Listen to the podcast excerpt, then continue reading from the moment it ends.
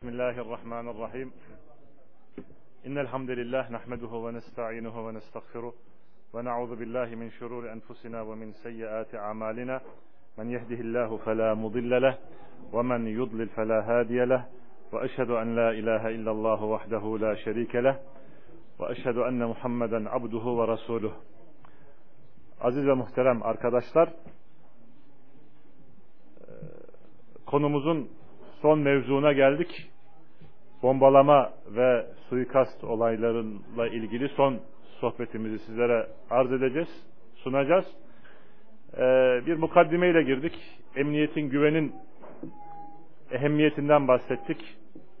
Sonra bu patlatma ve bombalama ve suikast olaylarının merhalelerinden bahsettik. Ardından bunların kötü neticelerini sizlere aktardık. Sonra buna götüren sebeplerden bahsettik. Bugün ise yani şu an son sohbetimizde, son dersimizde e, bu olaylara cevaz verenlerin şüphelerine e, şüpheleri ve bunlara verilen cevapları sizlere arz edeceğiz. Şimdi bu şüphelere hemen geçiyoruz. Şöyle diyorlar, biz diyorlar fetvalarımızı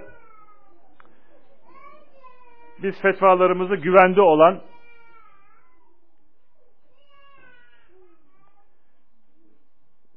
biz fetvalarımızı güvende olan ve hapishanedeki hapishane dışındaki insanlardan almayız. Yani e, muhakkak surette e, hapishaneye girmiş olmaları gerekiyor. Maaşını devletten alan alimlerin fetvalarını kabul etmiyoruz diyorlar. Bunlar oturuyorlar diyorlar. Yani bunlar cihad etmiyorlar alimler. Dolayısıyla oturanların liderlikle bir alakası olamaz. Bunların cihatla ilgili, bu insanların cihatla ilgili fetvaları da kabul edilemez.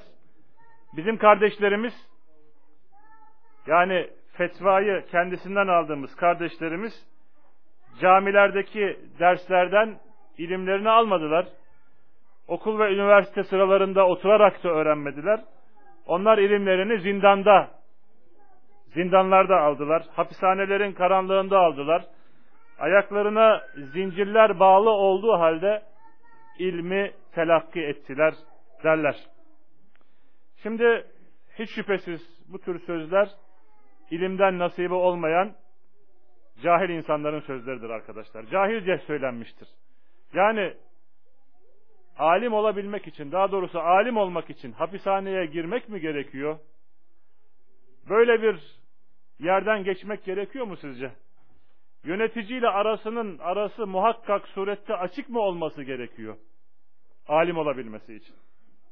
Abbasi halifelerinden bir tanesi Mali'yi telif ettiği, yazdığı, İmam Mali yazdığı Muvatta üzerinde toplamasını ister. Ama Malik bunu kabul etmez. Şimdi böyle bir alaka maliye ne gibi bir zarar getirmiştir? Böyle bir zarar yoktur. İmam Zühri Emevi emirlerinin, sultanlarının yanına girer, onlarla birlikte otururdu. Büyük muhaddis. İbnül Mübarek, Evza'i, Leys gibi alimler, otoritenin bozulduğu dönemlerde yaşayan alimlerdir aileleri ve öğrencileriyle birlikte beraber mutmain ve hapishane dışında hayat sürmüşlerdir. İnsanlara Allah'ın emrettiklerini ve Allah'ın yasaklarını öğretmişlerdir. Binlerce muhaddis, binlerce İslam alemi şehirlerde, köylerde güven içerisinde yaşamışlar. Binlerce ilim talibi onlardan ilmi telakki etmek için, ilmi almak için onlara yönelmişler. Otoritenin bozulduğu dönemler de olmuş. Hiç şüphesiz. Acaba o dönemlerde birisi böyle bir karalama ile alimleri itham etmiş mi acaba? Yoksa bu bu asrın bir bidatı mı? Aslında her iki taifenin geride bıraktıkları en güzel şahitlerdir diyoruz. Alimler, alimler arkadaşlar, Rabbani alimler doğuda da batıda da ilmi ve daveti yaymışlar. Bilakis bu, bu bozuk fikrin sahipleri dahi bildiğimiz, kitaplarını okuduğumuz bu alimlerin kitaplarından ve derslerinden, kasetlerinden faydalanmışlar. Bu alimler aracılığıyla insanlar İslam'a girmişler, sünnetle amel etmeye başlamışlar, tevhidi ve sahih akideyi öğrenmişler. Peki bu gençler geriye ne bırakmışlar arkadaşlar? Şimdi tekrar şüpheye dönerek cevap vermeye devam ediyoruz. Cahilce söylenmiş bir söz dedik. Çünkü bunlar gerçekten tarihi okumuş olsalardı hem böyle söylemezler hem de böyle konuşmuş olmazlardı. Zira birçok selef aliminin maaşı Beytül Mal'den ödeniyordu. Yani bunu o zamanki devlet karşılıyordu. Hem bu hem de bu idarecilerin ve onların e, tayin ettikleri zalim valilerin yani onların tayin ettikleri, atadıkları valilerin zulmettiği dönemlere de rastladığı olmuştur. Alimlerden kimisi doğrudur, uzak durmuş, bu maaşı almamış ama aynı zamanda alan, alan kişiyi karalamamışlar, insanları da onlardan sakındırmamışlar. Şimdi bu gençlere göre alimden fetva alınabilmesi için devletten maaş almayacak bir de hapise girmiş olacak. Yusuf Aleyhisselam Mısır Firavun'un vekiliydi, naibiydi. Hem kendi hem kavmi yani Firavun'un hem kendisi hem de kavmi müşrikti malumunuz. Peki acaba asrın müceddidi, asrın muhaddisi, büyük alim, allame Albani'nin durumu nasıl? Şimdi Albani Allah kendisine rahmet eylesin. Ne devlette bir vazifesi vardı, ne de devletten aldığı bir maaşı vardı. Ülkesinden de kovulmuştu. Kendisi. Hutbelerini ve derslerini dönemin otoritesi kısıtlamıştı. Ve İbn Teymiye'nin hapsedildiği aynı hapishaneye o da hapsedilmişti. Bir müddet. Peki buna rağmen acaba gençler Albani'den fetva alıyorlar mı? Hayır almıyorlar. Yoksa bozuk anlayışlarına ters davranan kim olursa olsun onu bir kenara mı atıyorlar? İşin garip olan bu e, tarafı bu gençlere sizin ilim aldığınız, fetvalarınızı aldığınız hocalar kimdir diye sorduğumuz zaman sana ya bir doktorun adını söylerler, ya bir mühendisin adını söylerler ya da bir öğretmenin adını söylerler. Evet onların ilimlerini aldıkları alimler, alim saydıkları insanlar bunlardır. Şimdi şöyle diyorlar, biz diyorlar fetvalarını almamızı istediğiniz alimlerin birbirlerine zıt, birbirleriyle çatışan fetvalarını görüyoruz. Mesela Afganistan'da Ruslara karşı cihat fetvasını veriyorlardı alimler. Çünkü Amerika onlara bu izni vermişti. Irak'ta ise Amerika karşılarında olduğundan dolayı cihat fetvasını vermediler. Bu yüzden biz de onlardan fetva almıyoruz bu bapta, bu konularda derler. Şimdi arkadaşlar önce şunun bilinmesi gerekir. Alimler icma etmedikleri müddetçe onların e, sözleri, fetvaları masum değil. Onlar da beşer. İştihad ederler. Bazen hata ederler ama genelde isabet ederler. Doğruyu bulurlar. Eğer alimin fetvalarının çoğu hata olursa zaten o yerlerde daha fazla kalamazdır. Ve kendilerine müracaat edilen alimlerden de olamazdır. Eğer alim isabet ediyor ve hata da ediyorsa bu insan için tabidir. O zaman bu gibi durumlarda heva ve hevesimizle hareket etmemiz doğru değil alimler hakkında. Bilakis dinimiz ne emrediyorsa bu şekilde davranmamız gerekir. Mesela alim için hadiste gelen sevabı kabul etmemiz gerekir. Yani hadiste malumunuz Peygamber sallallahu aleyhi ve sellem şöyle buyurur. Hakim hüküm verdiğinde isabet ederse ona iki tane sevap vardır der. Hata ettiğinde ise bir sevabı vardır. Demek ki bu sevabı e, alim için ispat etmemiz gerekiyor. Bu bir. İkincisi hata ettiği zaman hatasında tabi olmuyoruz. Ama onun için af ve mağfiret diliyoruz. Makamına uygun bir şekilde, uygun bir tavırla ve uygun bir üslupla imkanımız varsa nasihatlaşıyoruz. Şimdi alimin hatası dolayısıyla hasenatlarını, iyiliklerini heder etmemiz kati surette doğru değil. Yani bu sebepten dolayı onu karalayıp yüz çeviremeyiz. Ee, zaten bu Allah'ın e, bize emrettiği adaletin ta kendisidir bu. Bidat ehlinin tam tersine. Bidat ehli çünkü bu şekilde davranmaz. Ee, ya ifrattadır ya da tefrittedir. فَاِذَا قُلْتُمْ فَعْدِلُوا bir şey söylediğiniz, söz söylediğiniz zaman adaletli olun der Rabbimiz. İnna Allah ya'muru bil adli vel ihsan. Muhakkak ki Allah adaleti ve iyiliği emreder. Yani bize bütün bunları emretmekte. Ve İbn Kayyım bakın şöyle der bu meyanda. Her hata ve yanlışlık yapan toptan surette bırakılmış olsaydı iyilikleri heder edilseydi yani yok kabul edilseydi ilimler ve meslekler işlemez hale gelirdiler. Bu yalnız İslami alimler için, ulema için geçerli değil. Diğer dünyevi işlerde uğraşanlar hakkında da İbn-i Kayyım'ın getirdiği bir kaide ve kural.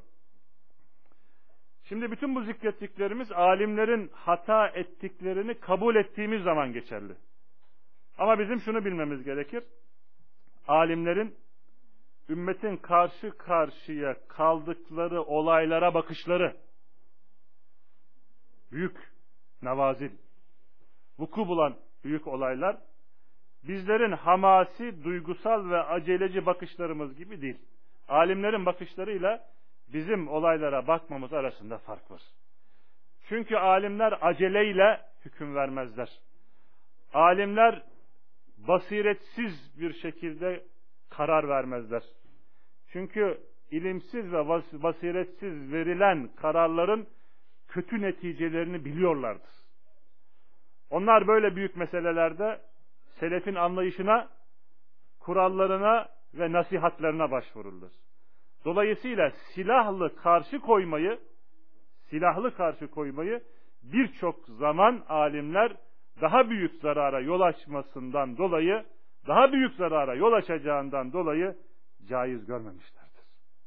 Zira böyle bir durumda yırtık daha da büyümekte.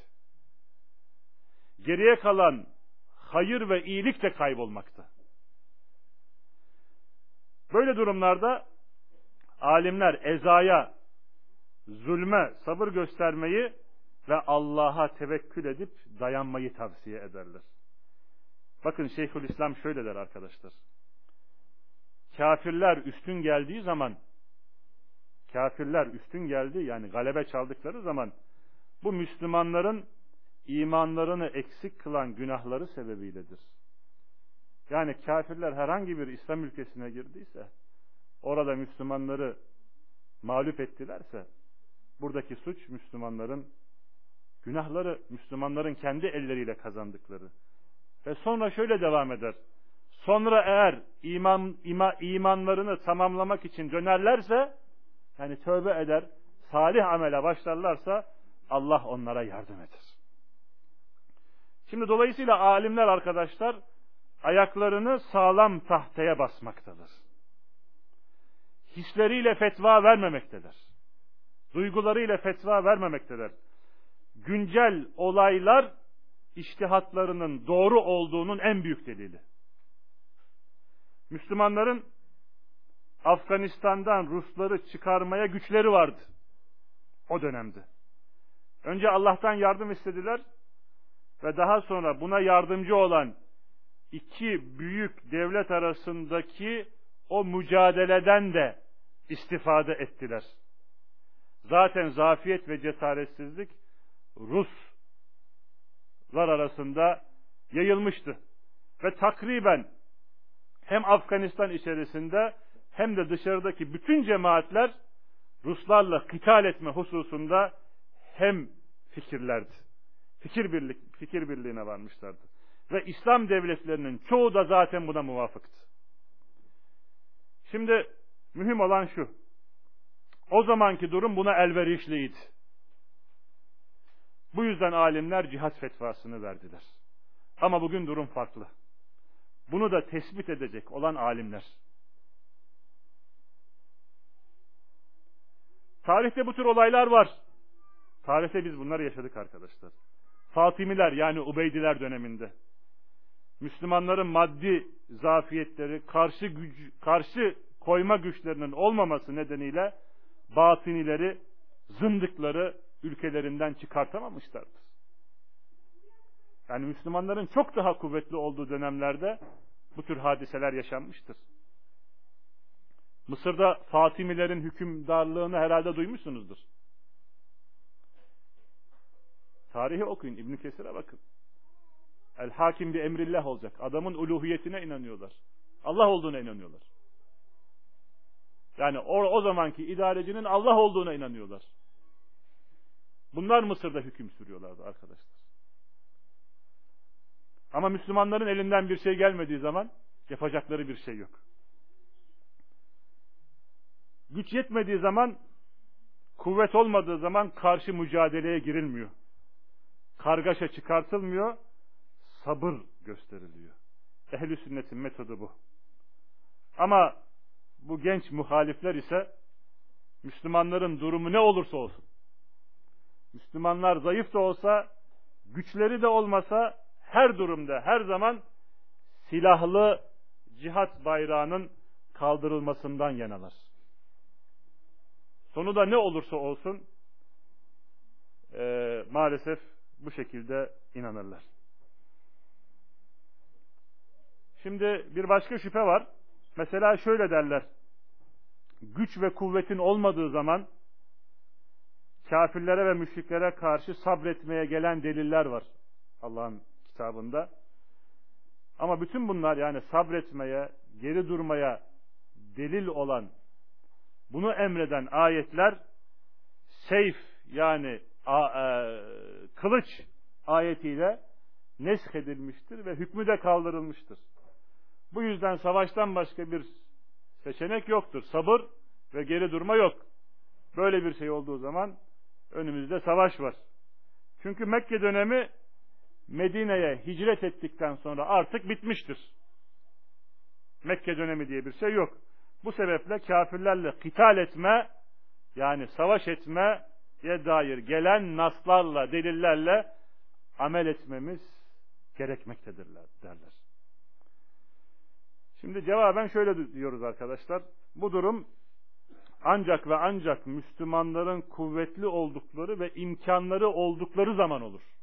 Yani seyf ayetiyle amel edilir. Ama Müslümanların zayıf ve güçsüz oldukları bir dönemde şimdi olduğu gibi o zaman sabır göstermeleri elzemdir. Neden? Çünkü Yüce Rabbimiz ancak gücü güç yetireni sorumlu tutacaktır ve Şeyhülislam'ın da karar kıldığı gibi kuvvet ve zaaf göz önüne alınmalıdır. Ve mesele arkadaşlar konu Mekke dönemi veya Medine dönemi değildir. Konu kuvvet ve zaaf meselesidir. Maslahat ve zarar değerlendirilir. Ve her zaman da değerlendirilmesi gerekir. Kimin kuvveti varsa, gücü varsa, kuvvet ehline hitap eden ayetlerle amel eder. Ve kimin de kuvveti yoksa, zayıfsa, zaaf ehline hitap eden ayetlerle amel eder. Ve Mekke ve Medine dönemi birisinin bütün hükümlerinin son bulduğu son bulduğu iki zaman merhalesinden ibaret değil. Din tamamlanmış olup neshedilmeyen her şeye iman etmemiz gerekir. Bu Mekke'de inmiş olabilir, bu Medine'de inmiş olabilir. Bu hiçbir şeyi değiştirmez. Mesele yalnız güce ve zaafa bağlıdır. Ve Yüce Rabbimiz şöyle buyurmuştur. Fettekullaha mastata'tum. Gücünüz yettiğince Allah'tan korkun. La yukellifullahu nefsen illa busaha. Allah her şahsı ancak gücünün yettiği ölçüde mükellef kılar.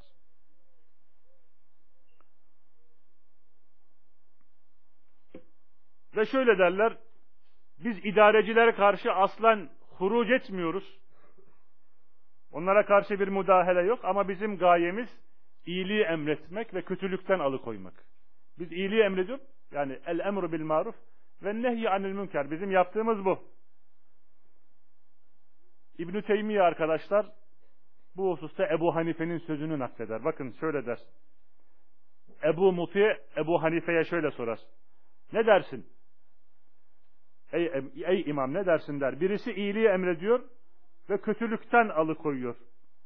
Ve insanlar da onun arkasından gidiyor. Sonra da huruc ediyor. Yani idareciye karşı silahla çıkıyor. Bunu kabul eder misin? Yani bu hurucu iyiliği emir, kötülükten nehi olarak kabul eder misin deyince Ebu Hanife hayır der. Bu sefer Ebu Muti şöyle karşılık verir. Neden? Yani neden hayır? Muhakkak Allah Resulüne iyiliği emretmesini, kötülükten de alıkoymasını emretmiştir. İyiliği emretmek, kötülükten alıkoymak farzdır der Ebu Muti. Deyince imam şöyle der. Evet doğrudur.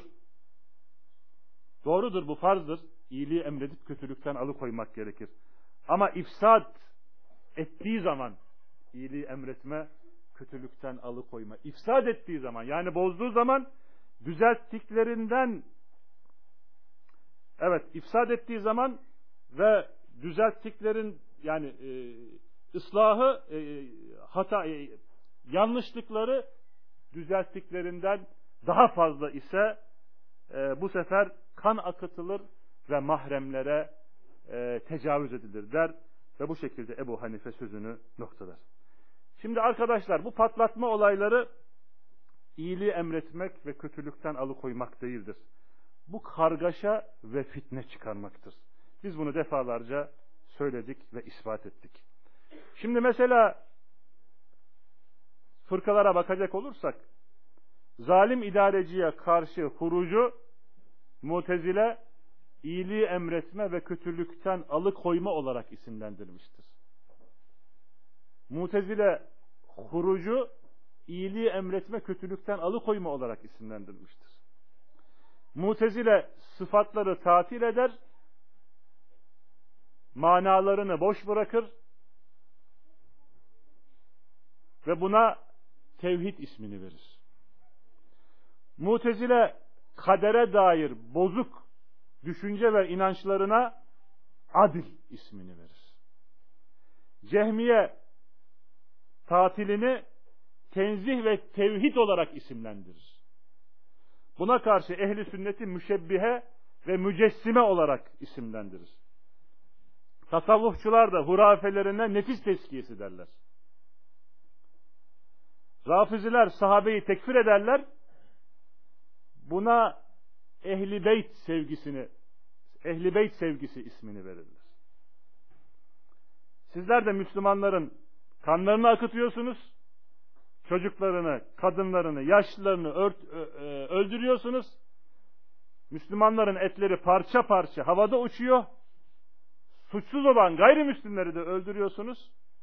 Sonra da diyorsunuz işte bu Allah'ın dinde asıl kıldığı ve Müslümanları yaptıklarından dolayı övdüğü iyiliği emretme ve kötülükten alıkoymadır diyorsunuz. Şeyhülislam'ın da dediği gibi arkadaşlar iyiliği emreden ve kötülükten sakındıran kişinin şu vasıflara sahip olması gerekir. Emrettiği şeyi bilecek,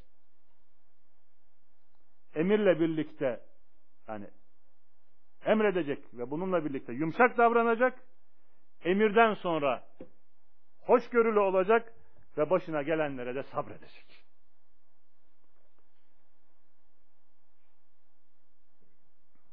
Bir başka şüphede şöyledir. İslam ülkelerindeki gayrimüslimleri öldürme konusunda Bukhari'nin sahihinde rivayet ettiği Hudeybiye anlaşması delil olarak getirilir. Bu anlaşmada aleyhissalatu vesselam e, Mekke müşrikleriyle bir anlaşma yapmıştır.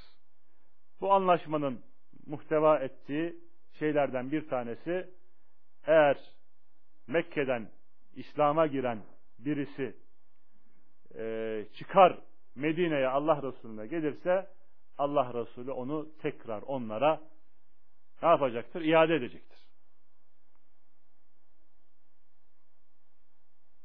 Şimdi Ebu Basir adlı bir sahabe bazı kafirleri öldürmüştür. Olay şöyle gelişir. Peygamber sallallahu aleyhi ve sellem yaptığı anlaşma gereğince Ebu Basir, Ebu Basir adlı sahabeyi Mekke'ye iade eder ve götürmeleri için o sahabeyi Medine'ye gelen iki tane müşriye teslim eder. Teslim eder ve yola çıkarlar. Bunlardan biri Medine'ye geri döner. Bu müşriklerden biri Medine'ye geri döner ve camiye koşarak girer. Allah Resulü sallallahu aleyhi ve sellem adamı görünce bu adam ürkmüştür der. Ve Peygamber sallallahu aleyhi ve selleme gelerek şöyle der. Allah'a yemin olsun ki arkadaşımı öldürdü, muhakkak ben de öldüm. Deyince Ebu Basir, Ebu Basir arkadan gelir. Ey Allah'ın peygamberi der. Allah'a yemin olsun ki Allah senin anlaşmanı, ahdini, sözünü yerine getirdi. Sen beni onlara döndürdün, sonra Allah da beni onlardan kurtardı. Bu sefer Allah Resulü sallallahu aleyhi ve sellem anasız kalasıca der. Onlardan biri onunla olsaydı harp alevlenmiştidir. Yani sanki burada bir anlaşmanın bozulduğu anlaşabilir, anlaşmanın bozulduğunu anlayabilirlerdi ki Peygamber sallallahu aleyhi ve sellemin tabi böyle bir şey yok. Ve Allah Resulü'nün Ebu Basir'i tekrar geri vereceği e, geri vereceği düşüncesiyle Ebu Basir tekrar Allah Resulü'nün yanından uzaklaşır ve Seyful Bahar mıntakasına gelir.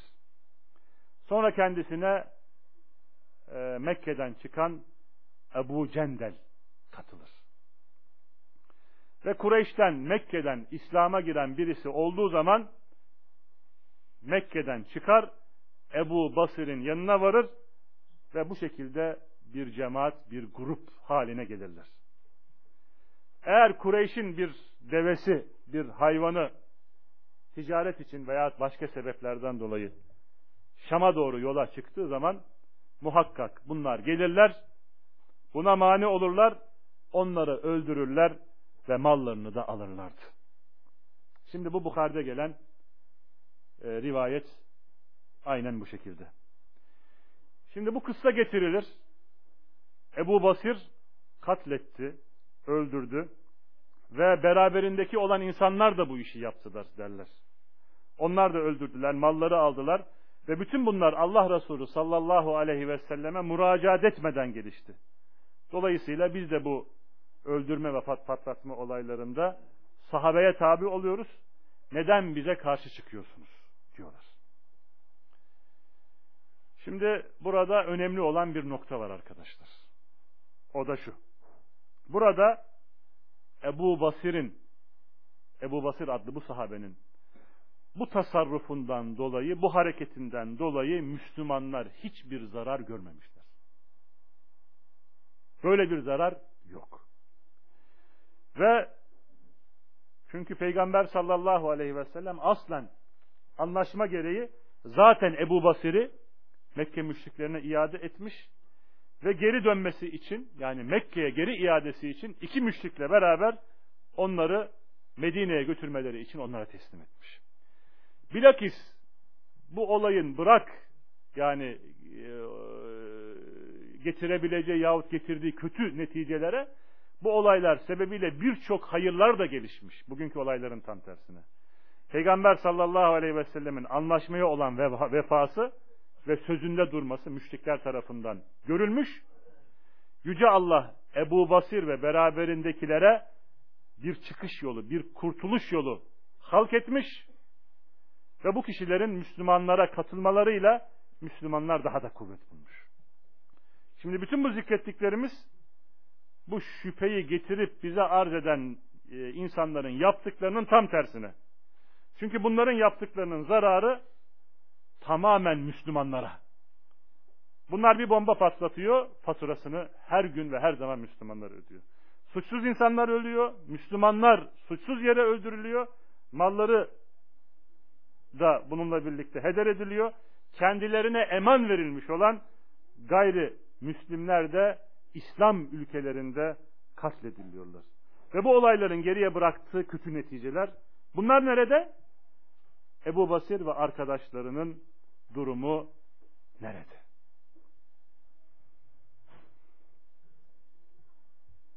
Şöyle diyorlar. Bugün bizim yaptığımız bu olaylara neden karşı çıkıyorsunuz diyorlar. Bizler bu hususta Nebi sallallahu aleyhi ve selleme tabi oluyoruz. Çünkü o ashabını o ashabını Kâb ibn Eşref'i öldürme hususunda teşvik etmiştir. Kıssa malum Medine'de cereyan eden bir kıssa. Şimdi burada arkadaşlar Kâb ibn Eşref hem kafirdi hem de muharipti. Dolayısıyla Bukhari Kitabul Cihat'ta bu kıssaya şu başlığı koymuştur. Harp ehlini suikast ile öldürme. Bu başlığı atmıştır. Aynı zamanda bu kişi Allah Resulüne de eziyet etmiştir. Bu yüzden şimdi siz bu, pat, bu patlatma ve bu bombalama olaylarıyla suçsuz Müslümanları öldürüyorsunuz. Kadın, çocuk, yaşlı demeden hepsini katlediyorsunuz. Kendisiyle harp etmediğimiz insanları da katlediyorsunuz. Aslında o, aslında o insanlar da kendi, kendilerine verilen vizelerle onlarla bir anlaşma yapılmış ve o insanlar o anlaşmalarını da bozmamışlar. Gayrimüslimleri kastediyoruz. Bozmuş olsalar bile bozmuş olsalar bile onları öldürmek bizim yahut sizin görevimiz değil. Çünkü herkes iştihadına göre herkes iştihadına göre birilerini öldürecek olsa toplumda kargaşa çıkar. Ve İslam da bu tür şeylerden uzak ve beridir arkadaşlar. Ve o dönemde Allah Resulü sallallahu aleyhi ve sellem yöneticiydi. Ve bu yönetici sıfatıyla bu emri vermiştir. O dönemde. Peki size bu emri kim verdi diye sorsak, sonra bunun yol açacağı zararları acaba düşündük mü diye tekrar sorsak. Şimdi diğer taraftan ayrıyeten Kâb'ın öldürülmesi Müslümanlar için bir onurdu. Kuvvetli olduklarının bir kanıdıydı. Bir kanıtıydı. Bir deliliydi. Böylece Kâb'ın intisap ettiği kavmin cesaretleri de kırıldı. Hepsi korkmaya başladılar. Bize de zarar gelecek mi diye. Hepsi korkmaya başladılar ve Müslümanlar karşı koyma güçlerinin olduğunu duyurdular onlara. Peki sizler bir yerde bir şey patlatınca, bir yeri bombalayınca Müslümanlar bundan fayda mı görüyor yoksa zarar mı görüyor? Yoksa Müslümanların Müslümanlar bu tür olayları kat ve kat fazlasıyla mı ödüyorlar? Evet. Ve yine şöyle söylerler arkadaşlar. Bizlerin hem kendimizi hem de başkalarını öldürmemiz İslam'ın yararınadır derler. Yani biz kendimizi öldürüyoruz, başkalarını öldürüyoruz. Bu tamamen İslam için, Allah için bunu yapıyoruz diyorlar. Şimdi devam ederler. Uhdud çocuğu da bu şekilde yapmıştır derler. Bu Bukhari'de gelen bir kıssa. Okumuşsunuzdur muhakkak. O dönemin tağutuna kendisini nasıl öldüreceğini söylemiştir ve göstermiştir. Ve şöyle söylemiştir ona. Sen beni öldüremezsin demiştir. Ta ki emrettiğim şeyi yapana dek. Hükümdar bunun ne olduğunu sorar ona. Çocuk da insanları büyük bir meydanda topla der. Ve beni bir ağacın dalına as. Sonra okumdan bir ok çek. Kıssayı bildiğiniz için başlığını zikri, kıssanın başını, evvelini zikretmedim. Çocuk iman eder. Ee, daha sonra hükümdar bunu katledip öldürmek ister. Bir dağın tepesine çıkartır. Olmaz. Bir gemiyle e, giderler, e, suyun içine atmak isterler. Olmaz. Bir başka yerde yine katletmek ister. Olmaz. E, en sonunda çocuk sen beni öldürmek istiyorsan der. Ancak şu şekilde yaparsan beni öldürürsün der. Şimdi nasıl öldürüleceğinin sıfatını anlatır. Bir ağacın dalına asarsın, sonra okumdan bir ok çek, sonra o oku yayın ortasına yerleştir, gencin Rabbi olan Allah'ın adıyla de ve bana, ve bana at der. Çünkü sen bunu yaptığın zaman beni öldürmüş olursun. Bunun üzerine e, hükümdar insanları düz bir arazide toplar ve genci bir ağaç dalına asar, sonra gencin okluğundan bir ok çeker, yayının ortasına yerleştirir ve gencin Rabbi olan Allah'ın adıyla der. Ve oku atar gence. Atılan ok gencin şakağına isabet eder ve genç elini şakağının üzerine okun girdiği yere koyar ve o anda ölür. Ve bu gencin ölümü üzerine insanlar biz gencin Rabbine iman ettik derler. Bu hadisi Müslim rivayet etmiştir. Şimdi derler ki bakın yani nasıl da bu genç kendini feda etti. Biz de kendimizi feda ediyoruz. Şimdi arkadaşlar e, burada çocuk yalnız kendisinin nasıl öldürüleceğini göstermiş. Bundan başka bir şeye işaret etmemiş. Ama siz hem kendinizi öldürüyorsunuz hem de suçsuz insanları katlediyorsunuz. Bir de kafirlerden öldürülmesi caiz olmayanları öldürüyorsunuz. Yani siz bu kıssayı getiriyorsunuz ama bu kıssa ile sizin uygulamalarınız birbirini tutmuyor. Yani kıyasınız yerli yerinde değil.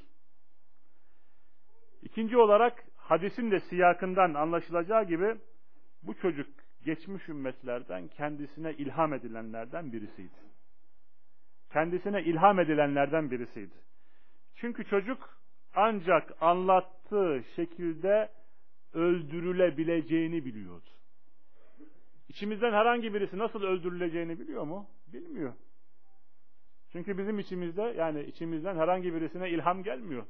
Fakat bu çocuğa ilham geldiğinden dolayı bu çocuk nasıl öldürüleceğini biliyor ve bundaki maslahat sebebiyle bunu buradaki maslahatı biraz sonra anlatacağız. Buradaki maslahat sebebiyle ne yapıyor bunu bildiriyor.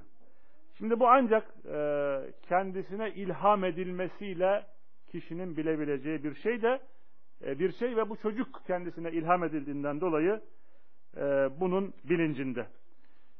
Şimdi bunu hükümdara bildirir ve bu şekilde hükümdar kendisini katleder. Şimdi malumunuz ne bize ne de o arkadaşların hiçbirisine ilham gelmiyor. Çünkü bu ümmetten herhangi birisine ilham gelecek olsa öyle birisi varsa o da Ömer radıyallahu anhu idi. Hadiste zaten bu şekilde geliyor. Şimdi zaten çocuk arkadaşlar kendisinin öldürülmesi sonrası hasıl olacak o büyük maslahatı da biliyordu. Allah'ın bildirmesiyle hangi sıfat üzere öldürüleceğini biliyordu ve bundan sonra öldürülmesinden sonra vakı vuku bulacak maslahatı da biliyordu. Yani insanların Allah'ın dinine girmeleri ve tağutu kabul etmemeleri maslahatına çocuk vakıftı. Şimdi bu çocuğun güzel sonu ve güzel işi ile şu gençlerin büyük zarar veren şu işleri karşılaştırılıp bu hadis bunların yaptıklarına ne kadar delil olur? Bunun cevabını siz verin. Şimdi burada bir şeye daha dikkat çekelim. Bu bozuk fikir, munharif e, fikre sahip olan bu çocuklar, bu gençler bu bombalama olayları sırasında hedeflerine ulaşamadıkları zaman yani bomba daha önce patlıyor, bunlar katledilmiyor, bunlar ölmüyor. Mesela kişi böyle bir durumla karşı karşıya kaldığı zaman maalesef yani bunlar e, var. Hem kendisini hem de beraberindeki arkadaşını katlediyor. yani o ameliyeyi gerçekleştirdikleri o an hem kendisini katlediyor eğer yani bomba başarılı bir şekilde patlayıp kendilerini öldürmediyse, katletmediyse geliyor kendisini de katlediyor, kardeşlerini de katlediyor ta ki yakalanıp sırları ifşa edilmesin, e, sırları ortaya çıkmasın diye.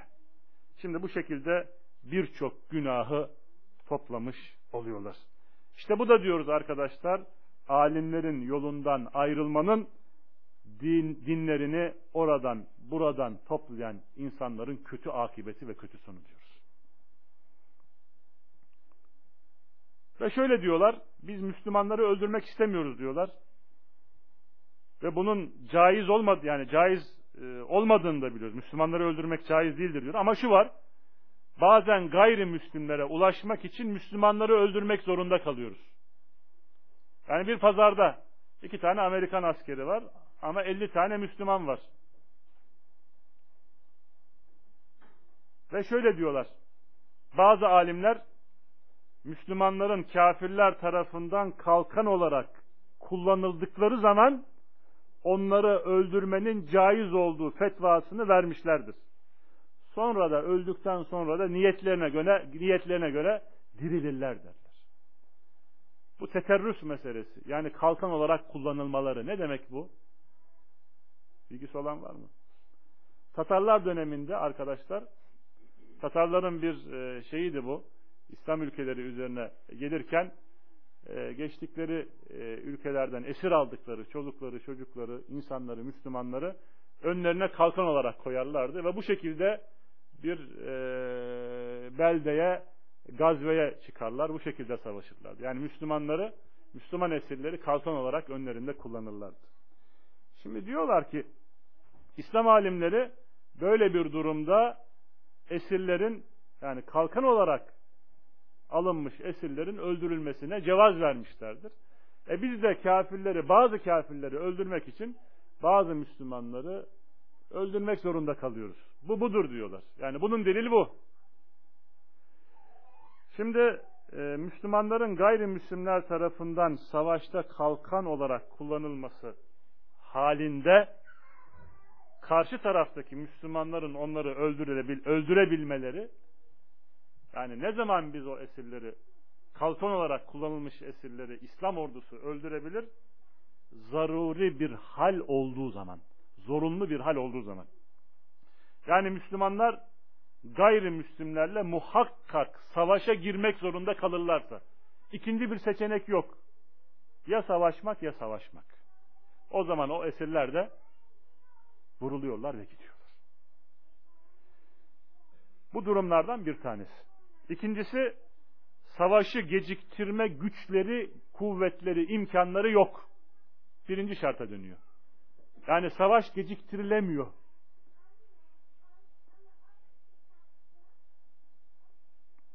Savaşı geciktirme durumunda ise ellerindeki esirleri öldürseler veya diğer Müslümanları öldürseler yani şimdi Müslümanlar savaşa geciktirirlerse eğer diğer Müslüman esirler de kafirlerin önünde e, kalkan olarak durmaktalar. Eğer bu savaş gecikirse gelecekler ellerindeki esirleri öldürecekler. Hepsini öldürecekler. O zaman Müslümanlar karşıdan ne yapıyorlar? Vuruyorlar. Çünkü hepsinin ölmeme durumu var. Şimdi bu şartları alimler ileri olarak sürürler. İleri olarak e, sürmekteler. Şimdi bu hususu İbn-i Kayyım e, Miftahu Dar-ı Saade adlı kitabında açıklar. Bu kitap Allahu Alem Türkçe'ye de çevrildi. Bakın şöyle der rahmetullahi aleyh. Kafirler Müslüman esirleri kalkan olarak kullanırlarsa Müslümanlara silah ile atmak caiz değildir. Ancak Müslüman ordu hakkında korku varsa, yani o karşı taraftaki Müslüman ordu kendi hakkında endişesi varsa, yani mesela orduyu savunma maslahatı söz konusuysa, esirleri savunma maslahatından daha büyükse orduyu savunma maslahatı, o vakit esirleri atmak caizdir. Şimdi bin tane esir var, diğer tarafta Ordu var ama ordunun muhakkak hareket etmesi gerekiyor. Geç kalırsa yani o esirler de gidecek, ordu da gidecek. E ne oluyor? O zaman o kalkanlar kalkan olarak kullanılan Müslümanlar feda ediliyor. Şimdi İbn-i Kayyım devam ediyor. Bu şu kural ile amel etmektir der. İki kötülüğün en düşüğüne katlanarak büyüğünü defetmek. İyi, iki kötülüğün en düşüğüne katlanarak yani en küçüğünü yaparak büyüğünü defetmek. Eğer durum tam tersine olursa, yani esirlerin kalma maslahatı daha büyükse, bu sefer onlara atmak kati surette caiz değildir. Bu konu iki kötülüğün en düşüğüne katlanarak en büyüğünü def etmek kuralı üzerine kurulmuştur. Yani iki maslahatın en düşüğünü elden çıkarma ile en büyüğüne hasıl olma demektir. Hep bunlar usul kaideleri. Eğer şek olursa, şüphe olursa veya her iki durumda eşit olursa o an bu halde esirlere atmak caiz değildir. Yani ne zaman öldürülürler, ne zaman öldürülmezler, Müslümanlar ne zaman o kafirlerin önündeki esirlere, kalkan olarak kullanılan esirleri öldürebilirler, caizdir, caiz değildir. Buna dair İslami kuralları İbn-i Kayyım koyar. Şimdi bu kurallar var, bir taraftan da gençlerin yaptıkları var şimdi. Şimdi dönüyoruz ve soruyoruz. Gençlerin yaptıkları zaruret mi? Zorunlu mu? İbn-i Kayyım'ın anlattığı gibi. Bu gençler alimlerin detaylı bir şekilde açıklamalarını acaba göz önüne alıyorlar mı? Öyle diyorlar ya yani bu işte atmak caizdir diyorlar. Peki alimlerin koydukları kuralları göz önüne alarak mı bu hükme varıyorlar?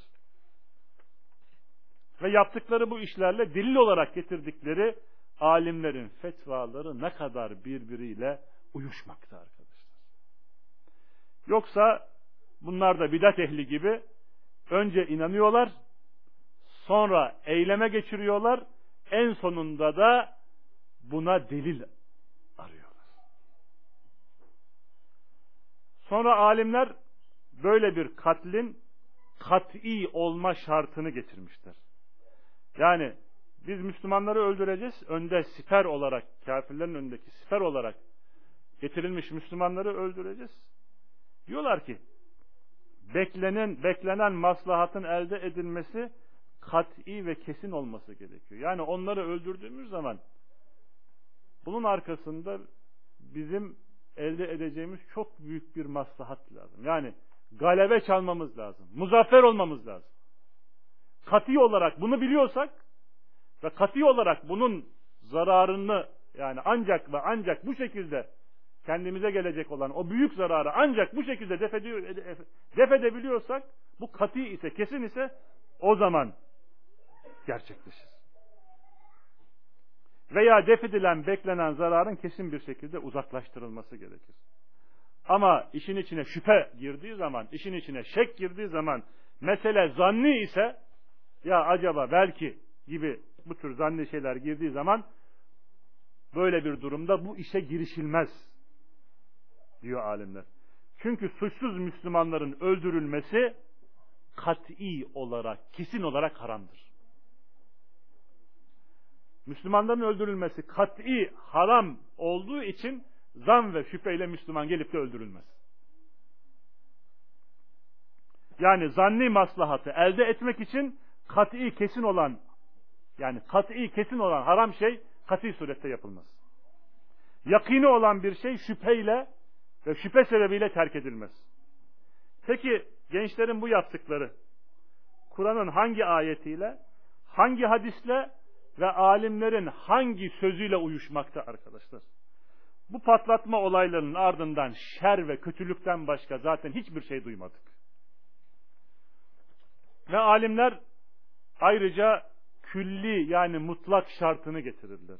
Yani bu olaylardan Müslümanların maslahatı olacak, umumun genelin maslahatı olacak, bir, birkaç kişinin maslahatı için Müslüman Müslümanı öldürmeyecek. Şimdi bu anlattıklarımızla e, alimlerin getirdikleri bu kurallarla gençlerin durumları arasındaki fark yerle gök arası gibi. Çünkü bu tür hadiselerde gençlerin en çok öldürdükleri Müslümanlar. Bu olaylar neticesi. Veya öldürülmesi caiz olmayan gayrimüslimi öldürmeleri. Veya öldürme vazifesi onlara ait olmayan insanları öldürmeleri.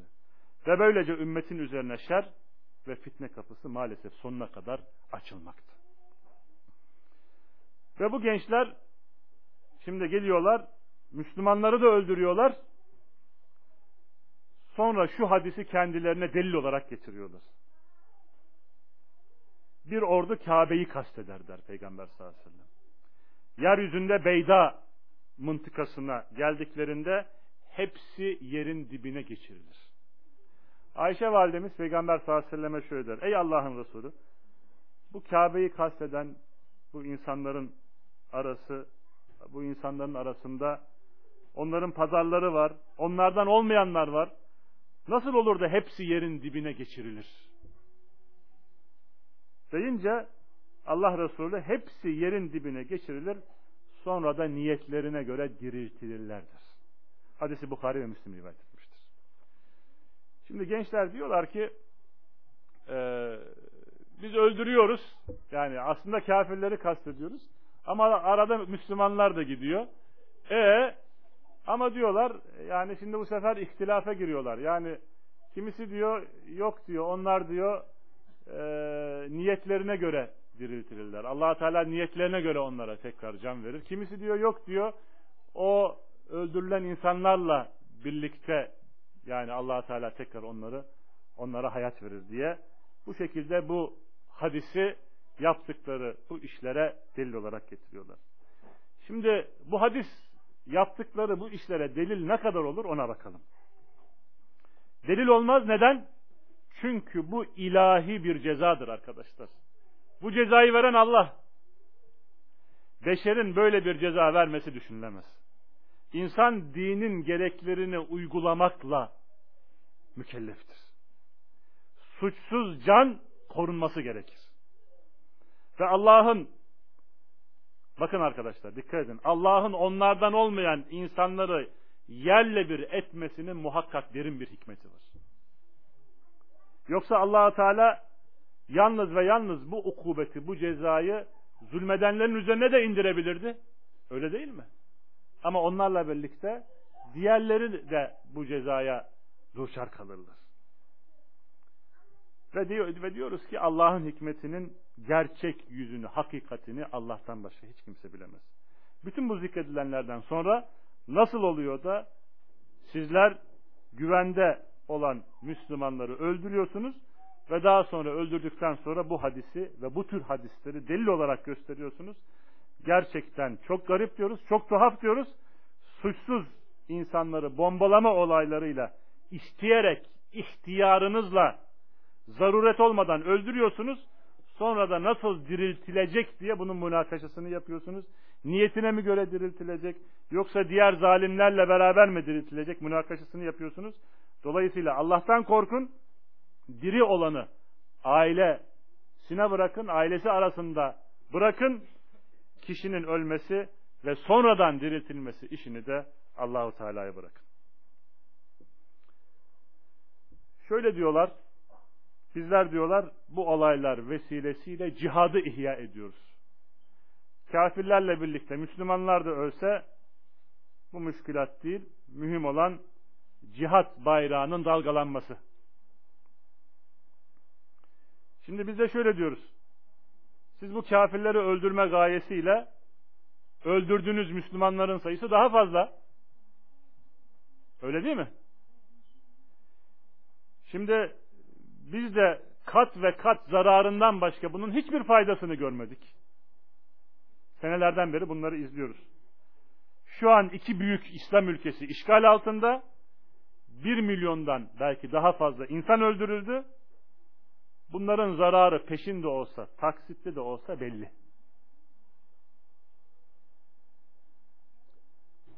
Şimdi cihat eğer dedikleri gibi zaruri cihatsa bu durumda Müslüman ne kadar öldürülür, ne kadar öldürülmez? Bunu açıkladık. Eğer cihat ihtiyari ise dedikleri gibi suçsuz olan Müslümanların ve kafirlerin öldürülmesi kat'i surette caiz değil. Ancak bu durumdan bazı istisnalar var. Mesela zaruri bir durum ya da gayrimüsliminin gayrimüslimin anlaşmasını, anlaşmayı bozması gibi. Şimdi arkadaşlar cihat bayrağını dalgalandırmak ancak ve ancak şartların oluşmasına bağlı. Eğer şartlar oluşmadıysa cihat bayrağı dalgalanmaz. Geri durulur. Burada asıl olan dinin maslahatı ve la ilahe illallah kelimesinin yükseklere çıkartılmasıdır. Şimdi cihat bayrağını cihat bayrağı dalgalandırılmalıdır diyerek kafirlerle beraber Müslümanları da öldürenler gün gelir gün gelir bidat ehline bidatlarından dolayı savaş açabilirler. Niye olmasın? Ve gün gelir ehli sünnete karşı da savaş açabilirler. allah Teala'nın da buyurduğu gibi kötü iş kendisine süslenip bunu iyi iş olarak görmek evet bu tür e, fiillerden Rabbimize sığınırız. Şimdi cihat bayrağı bombalama olaylarıyla, suikast hadiseleriyle, suçsuz insanları katletmekle hiçbir zaman dalgalanmaz. Cihat ancak ve ancak güç yetirebilme iledir arkadaşlar. Cihat zulmün sona ermesidir demektir. Cihat sonrası izzet vardır. Cihat sonrası şeref vardır. Cihat sonrası onur olması gerekir. Ve yüce Rabbimiz cihadı Müslümanların imkanları ve kuvvetleri olduktan sonra meşru kılmıştır. Ama bundan önce ise eğer buna Müslümanların imkanı yok ise sabır ile emrolunmuşlardır ve geri durma ile emrolunmuşlardır Müslümanlar. Ve Müslümanların hastalığı belli. Biz bunu biliyoruz. Bizler hastayız. Hasta değil miyiz? Eğer hasta olmasaydık bizler Allah'ın yardımı bize çoktan gelmişti. İşte bu hastalığın tedavisine cihat yapmakla başlanmaz. Bu davetle olur. Din güç yettiğince uygulanır. Aciz kaldıklarımızı ise bir kenara bırakırız. Bizi büyük felaketlere sürükleyen şeyleri terk ederiz. Yüce Allah her şey vakti geldiği zaman getirecektir. O zaman müminler ise Allah'ın yardımıyla sevinirler. Ama gençlerin bu hali, gençlerin bu durumu halimizi daha da kötüleştirmekte. Geriye kalan hayrı da yok etmekte. Düşmanı üzerimize musallat etmekte. Gücümüzü, gayretimizi dağıtmakta, yapılanları da yıkmakta. Şöyle denilir. Neticeleriyle tanınırlar. Bu bombalama olayları çamura daha da su katıyor arkadaşlar. Çamuru daha da cıvıklaştırıyor. Hastayı daha da hasta kılıyor. Ümmete zayıflık ve zilletten başka hiçbir faydası yok. Bu patlatılan bombalarla düşmanlar İslam ülkelerinden çıktı mı? Filistin ne oldu? Gördüğümüz gibi yalnız Filistin değil. Filistin'e başka ülkeler de eklendi. Afganistan, Irak, Somali bunlara hep terörle mücadele adıyla girdiler buralara. Örnek getirelim mesela. Gençler bu işlere girişmeden önce ümmet, İslam ümmeti alimleriyle, yöneticileriyle her zayıf olmalarına rağmen Filistin'deki yardıma yani Filistin'deki Müslümanların yardımına koşarlardı Müslümanlar. Her ülkede Avrupa'da da dahil sandıklar vardı. Ama bugün bunların hepsi durduruldu arkadaşlar. Siz de gördünüz. Filistin Başbakanı elindeki para dolu çantayla giremedi. Televizyonlarda müşahede ettiniz. Parayı bıraktı, sonra girdi. Şimdi Allah Resulü aleyhissalatü vesselam ashabını kadınıyla, erkeğiyle münafıklar ve müşrikler tarafından şiddetli azaba yani maruz kalmalarına rağmen ne yapıyordu? Sabra e, taş, e, teşvik ediyordu. Tahammül etmelerini onlara emrediyordu. Buna rağmen buna rağmen bunca belaya, bunca zulme, bunca eziyete maruz kalmalarına rağmen sabrettiler, geri durdular ve bununla emrolundular. Şimdi biz acaba Allah'ın dini hususunda Allah Resulü'nden daha mı gayret sahibiyiz?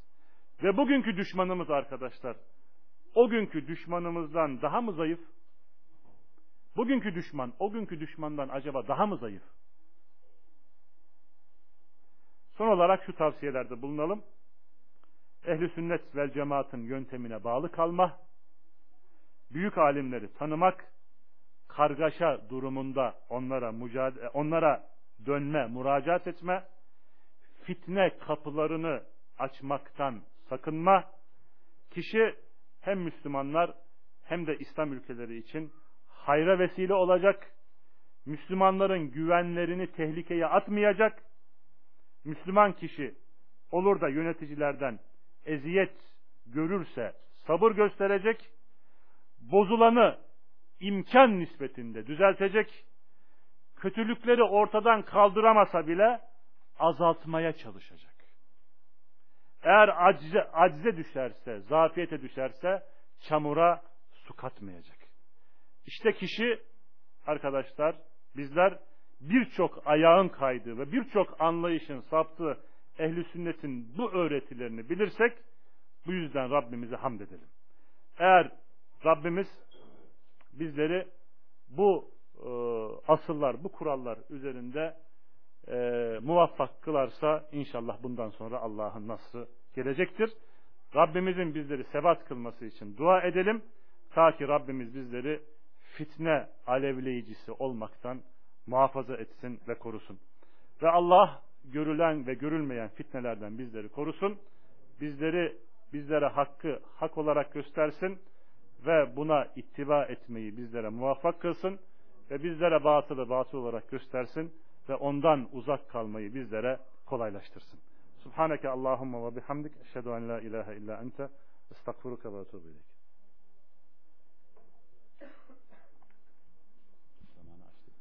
Selamünaleyküm. Allah razı olsun hocam. Zamanımızı zamanınızı çok açtınız hocam. 10 dakika hatta 15 dakika açtınız. Ee, son dersi olduğu için Abdurrahman abinin e, e, müdahale etmedik. Ebu Said hocamız birkaç dakika içerisinde burada. Ben e, müsaadenizle Seyfettin Hoca'yı da ben buraya davet edeyim. E, size sorular gelebilir. Şimdi burada çok sivri sorular olacak. Ben de sorularım var ama özel sorularım.